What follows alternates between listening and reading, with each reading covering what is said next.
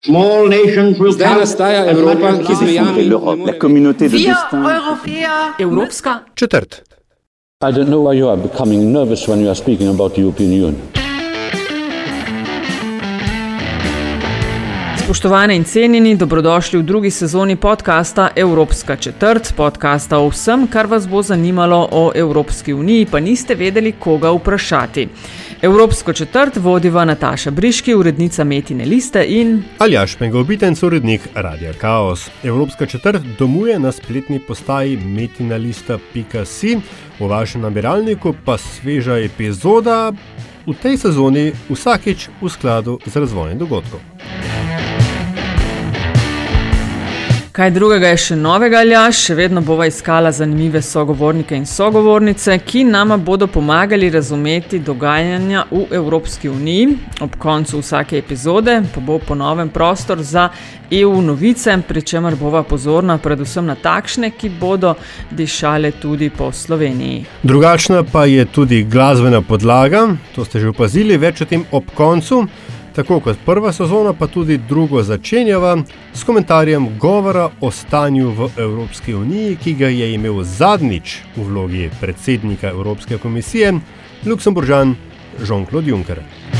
Parfois, l'histoire avance avec discrétion et à pas compter, et prend congé rapidement.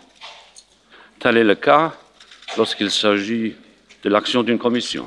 Predsednik komisije Juncker je imel letošnji govor v zanimivem obdobju pred volitvami v Evropski parlament, ki so planirane za maj 2019 in med tekočo razpravo o prihodnosti Evropske unije s 27 državami članicami.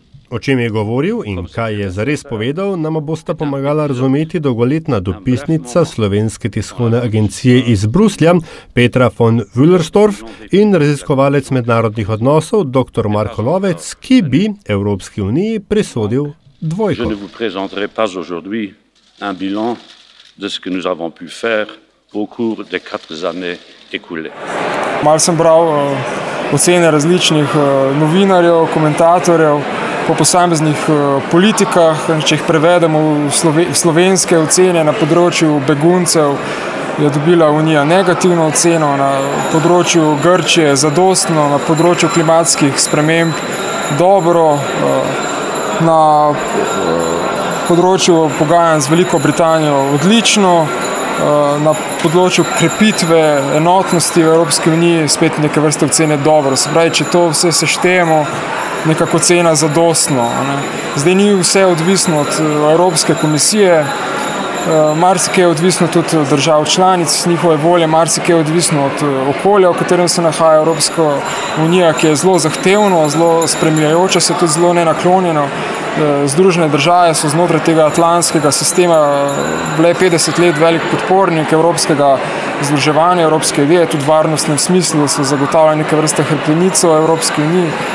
Tega zdaj več ne, poč, ne počnejo v takšni meri, oziroma pričakujejo od Evropske unije, da bo sama uh, prevzela večji del bremena, hkrati več ne podpirajo vedno globje uh, evropske integracije, ampak uh, vsaj zdajšnja administracija se bolj uklepa bilateralnih odnosov, kjer prihajajo potem v spredje tudi razlike med posameznimi državami članicami, recimo v odnosu do Rusije, Kitajske in tako naprej. Spravi, so to mednarodno okolje nekako predstavlja večji izziv za Evropsko unijo, kot ga je v trenutni kondiciji ob dveh precejšnjih notranjih krizah, na krizi v evroobmočju in potem migranski krizi in uh, političnih delitvah, populizmu, nacionalizmu, ki so ga te krize povzročile, uh, sposobna sprejeti uh, in, in, in uspešno uh, premagati. Tako dr. Lovec, ki sva ga, kot ste slišali, zmotila med konferenco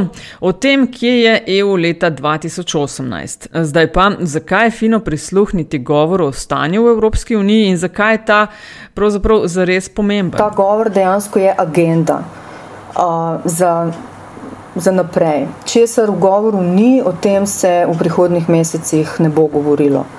In tudi tedne pred govorom je bilo zaznati kar precejšnjo histerijo, nervozo. bitko posameznih oddelkov komisiji za, za to, da najprej, da se pač uvrstijo v ta govor, da dobijo nek prostor, da dobijo čim več prostora in uh, čim konkretnejše zaveze, ker jim pač pol to pomaga uh, uresničevati politike. Vsebina govora dopisnice STA iz Bruslja sicer ni presenetila. Politična sporočila so bila precej pričakovana. Skupaj smo močnejši, um, ne nacionalizmu. Um, Trump odpira prostor za bolj suvereno, za več evropske suverenosti, za odločnejši nastop Evrope na globalnem odru. Uh, A te je kaj presenetilo, da je bilo noter, ali pa kaj, da ni bilo? Ma prav presenetilo ne. Mogoče uh, tudi predlogi so bili, konkretni predlogi so bili napovedani vnaprej, so bili bolj ali manj znani, noč novega. Morda edino, kar je bilo razmeroma novo, je ta um, pobuda, ta konkreten predlog uh, za krepitev mednarodne vloge evra. Ko pa tudi, če ni čist jasno, bo, eh, v katero smer bo komisija tukaj šla, ker do konca leta bo predstavila pač konkretneje ta predlog. Zdaj, ne vem, ugiba se o neke vrste usporednem plačilnem sistemu, neodvisnem od ZDA, tudi v, tem, v tej luči uh, Trumpa in njegove politike. Ne vem, če si opazil, ali jaš, imela sem občutek, da je predsednik Juncker predsejšen poudarek namenil sporočilo, da je Evropa miroljuben kontinent in predvsem, da smo skupaj močnejši. Klic po tem, da je treba strniti vrste, neke vrste tipični eh, klic, ki ga politiki uporabljajo pred volitvami, zato da dobijo dobijo eh, legitimnost, da ljudje dobijo občutek, da ima sam politični sistem nek smisel, da je potrebno iti na volitve, da je potrebno izraziti zaupanje.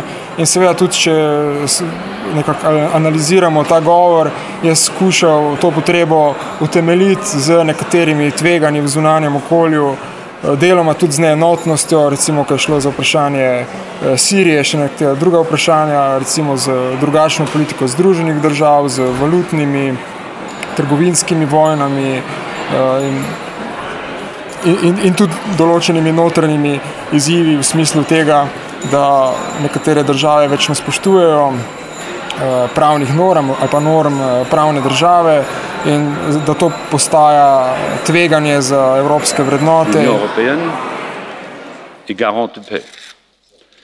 Soyons heureux de vivre sur un continent de paix, un continent qui connaît la paix grâce à l'Union européenne. Ja, je res, da kritikah unije, pri kritikah Evropske unije pogosto pozabimo, sploh nove generacije, ki nimajo izkušnje z vojno, da EU vendarle je projekt miru, po drugi strani pa, da, ga pr, da ga je privlekel ven spet, ne, kar pomeni zdaj, da nima nič boljšega.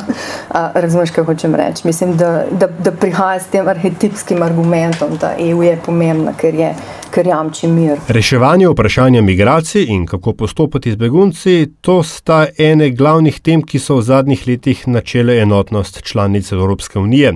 O migracijah se bodo vodje držav članic čez nekaj dni, torej 19. in 20. septembra, še posebej pogovarjali na neformalnem srečanju v Salzburgu. No, se je pa vsaj ena stvar izgovora neposredno dotikala tudi Slovenije. Tisto, kar je rekel glede Schengna, je že čisto zanimivo. Pač rekel je, da e, države, ki so vzpostavljene notranje meje, jih morajo odpraviti, sej, če, tega, če se to ne bo zgodilo, je to nespremljiv korak nazaj. Govorimo je, o meji Avstrija-Slovenija. Ja, ja, ja, govorimo o meji Avstrija-Slovenija. Jaz sem zdaj danes spraševal, recimo neuradno v Bruslu, kaj zdaj komisija. Mislim, ker to, to komisija govori že nekaj časa, to je pač njen line to take, uraden, to, kar mi slišimo, ne, da se moramo čim prej vrniti nazaj k normalnemu delovanju Schengna. Vemo pa, da v resnici pač države izvajajo še naprej ta nadzor. In ga ne nameravajo ukiniti. Danes smo slišali od avstrijskega notranjega ministra, da oni bodo pač ta nadzor ohranili, dokler ne bo učinkovite zaščite zunanje meje.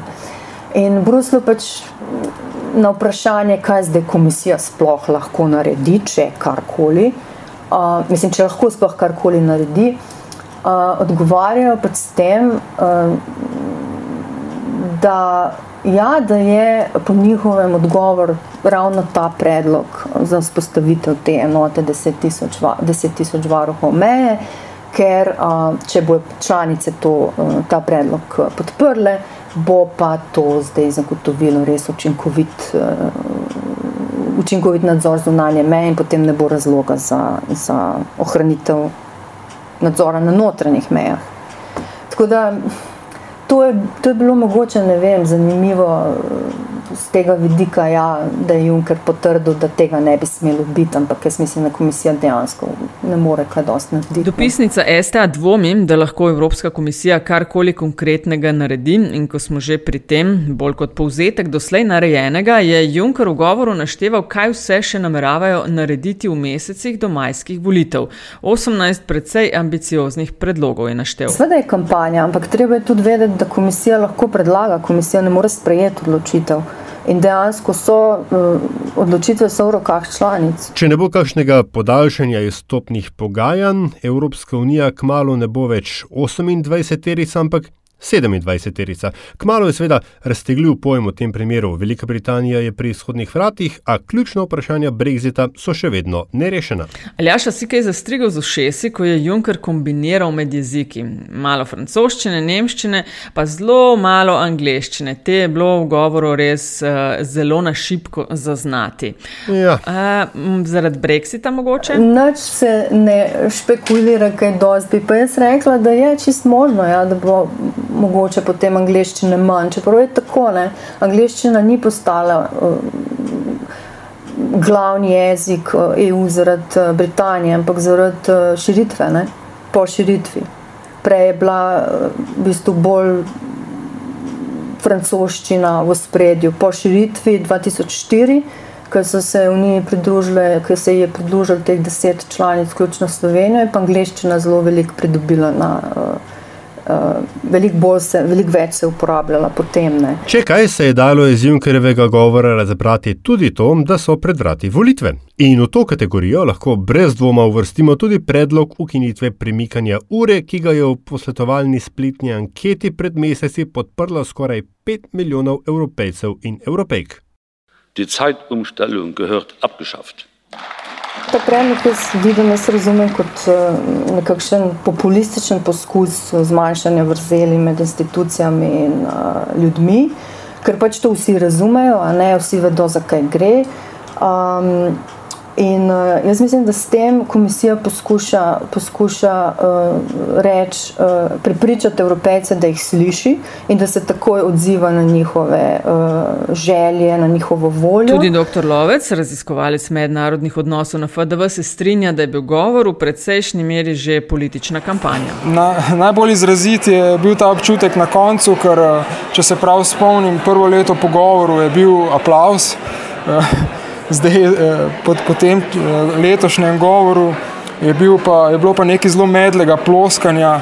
Eh, in potem so nekateri komentatorji upozorili, da za tiste, ki so spremljali prek interneta, se zdi, da je naenkrat ploskanje postalo zelo intenzivno in da je najbrž to bila posledica tega, da je umeten aplaus bil sprožen v, te, v tem sistemu prenosa. Ne. Uh, sicer pa, ja, tudi če recimo pogledamo odzive strani polič, evropskih političnih strank, uh, je bilo precej kritike, ne, ni bilo tega pričakovanja, optimizma, podpore posameznih idej, ampak uh, je, je, je prevladoval pogled, da je potrebno bolj odločno nastopiti na alternativne načine pri drugih politikah. Ne, se pravi, nekaj, kar je tipično za predvolilno obdobje. In po čem si bomo zapomnili predsedovanje Jean-Claude Junckerja Evropski komisiji?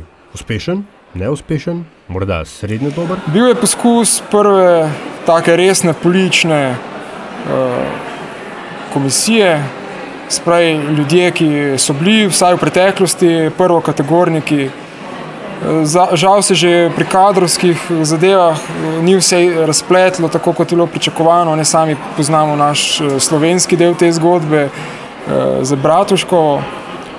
No, kasneje pa v bistvu že sama zgodba reševanja križe, krize v evroobmočju je bila zgodba o premiku moči z komisije državam. Kasneje z migransko krizo prav tako opazujemo Eh, podrobne trende. Spravi, Evropska komisija se je v bistvu borila za pozornost, borila se za to, da bi sploh še imela neko, eh, neko mesto v političnem eh, odločanju, kjer so pač države bile vedno bolj glasne, z vedno bolj različnimi pogledi na to, kako je treba reševati stvari, in ker je bilo tudi vedno več nacionalizma in populističnega kazanja s prstom na Bruselj. Sprej Bruselj je v tej situaciji imel vedno večjo težavo, da bi pokazal na neko pozitivno vlogo. Ki jo igra. Kar se tiče politik, bi mogoče izpostavila Grčijo. Zato, ker Juncker, ki se samo opisuje kot velik prijatelj Grčije, po moje je igral uh, pomembno uh, pozitivno vlogo takrat uh, v uh, grški krizi in prispeval k temu, da se ni uh, zgodil Brexit, da torej Grčija ni stopila z moče evra. Uh, druga zadeva, ki mi pade na pamet, je pa njegov, uh, to njegovo julijsko srečanje v Washingtonu s Trumpom. Zdaj po Bruslju se neuradno razlaga, da je bila neka posebna kemija med njima in da je pač Juncker bil Trumpu všeč in da je tudi zaradi tega bil tisti sestanek razmeroma uspešen, ker pač sta se dogovorila v neke vrste trgovinskem primerju. In da to recimo je, uh, lahko vidimo kot neko osebno, mislim, kot neko zaslugo osebno Junckerja.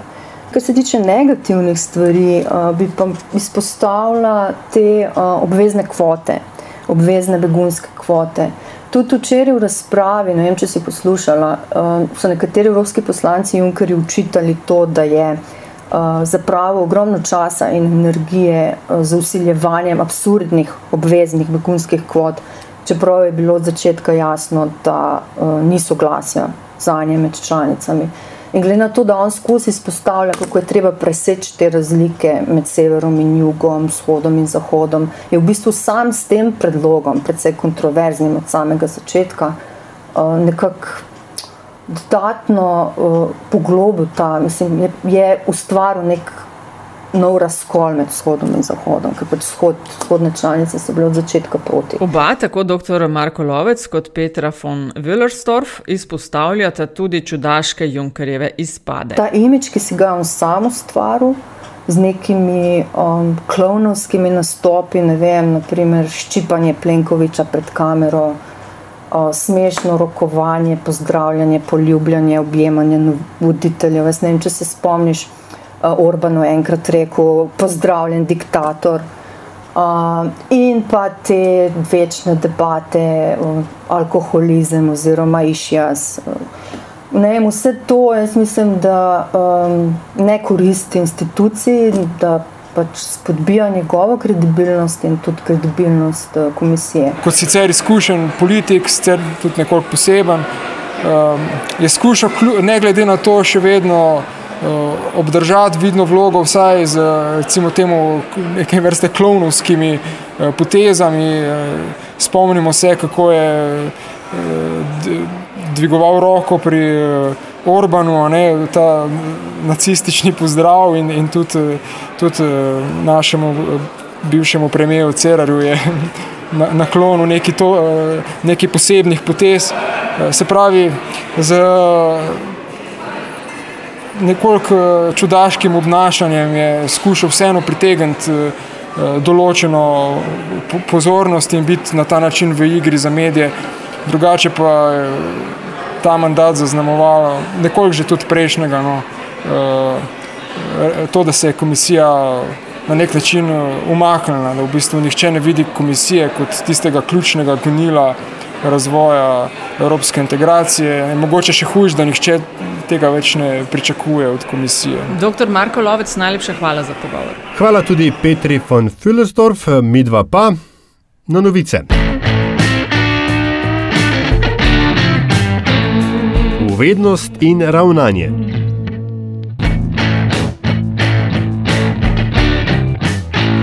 Ta teden je bil na evrosceni aktiven kot le malo kdaj. Poslanke in poslanci Evropskega parlamenta so se strinjali s poročevalko, poslanko zelenih Judic Argentini, da vlada Viktorja Orbana do te mere krši temeljna načela Evropske unije, da so z veliko večino podprli začetek postopka proti Mačarski po sedmem členu pogodbe EU. To lahko v končni fazi pripelje do uvedbe sankcij proti Mačarski, a dejanski razplet je zares negotov, saj morajo svoje povedati tudi države članice same. Na istem zasedanju so parlamentarci podprli tudi kontroverzni predlog direktive o avtorskih pravicah na digitalnem trgu.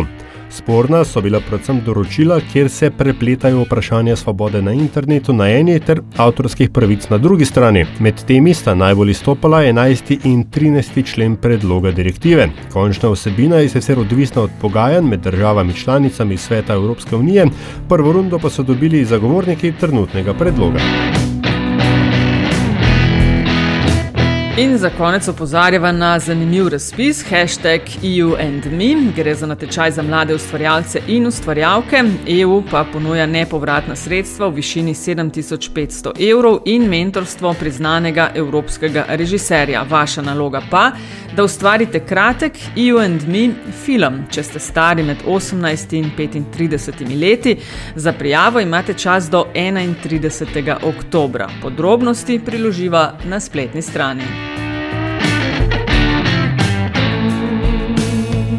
To je to. Hvala za pozornost. To je bila Evropska četrt, ki nastaja ob podpori predstavništva Evropske komisije v Ljubljani. Predlogi, mnenja, pohvale in kritike dobrodošle na infoafna.metinalista.si. Na družbenih omrežjih pa je uradni ključnik Evropska četrt. In še to, avtor glasbene podlage je Peli iz Afna Hišenband. Ali ja še njemu prav, da rečemo Peli? Ja, njemu je zelo prav, da mu rečemo Peli, zelo prav je tudi, da rečemo Hišenband. Hvala za to um, veliko, velikansko donacijo Evropske četrti. Glasbeno sva torej malo bolj posodobljena in se bolje slišiva. Če boste pa vi privoli, da naj ocenite pri vašem izbranem podcast ponudniku, da naj jo morda še kdo in še prej najde. Hvala vnaprej tudi za vašo družbo in se slišimo spet prihodnič.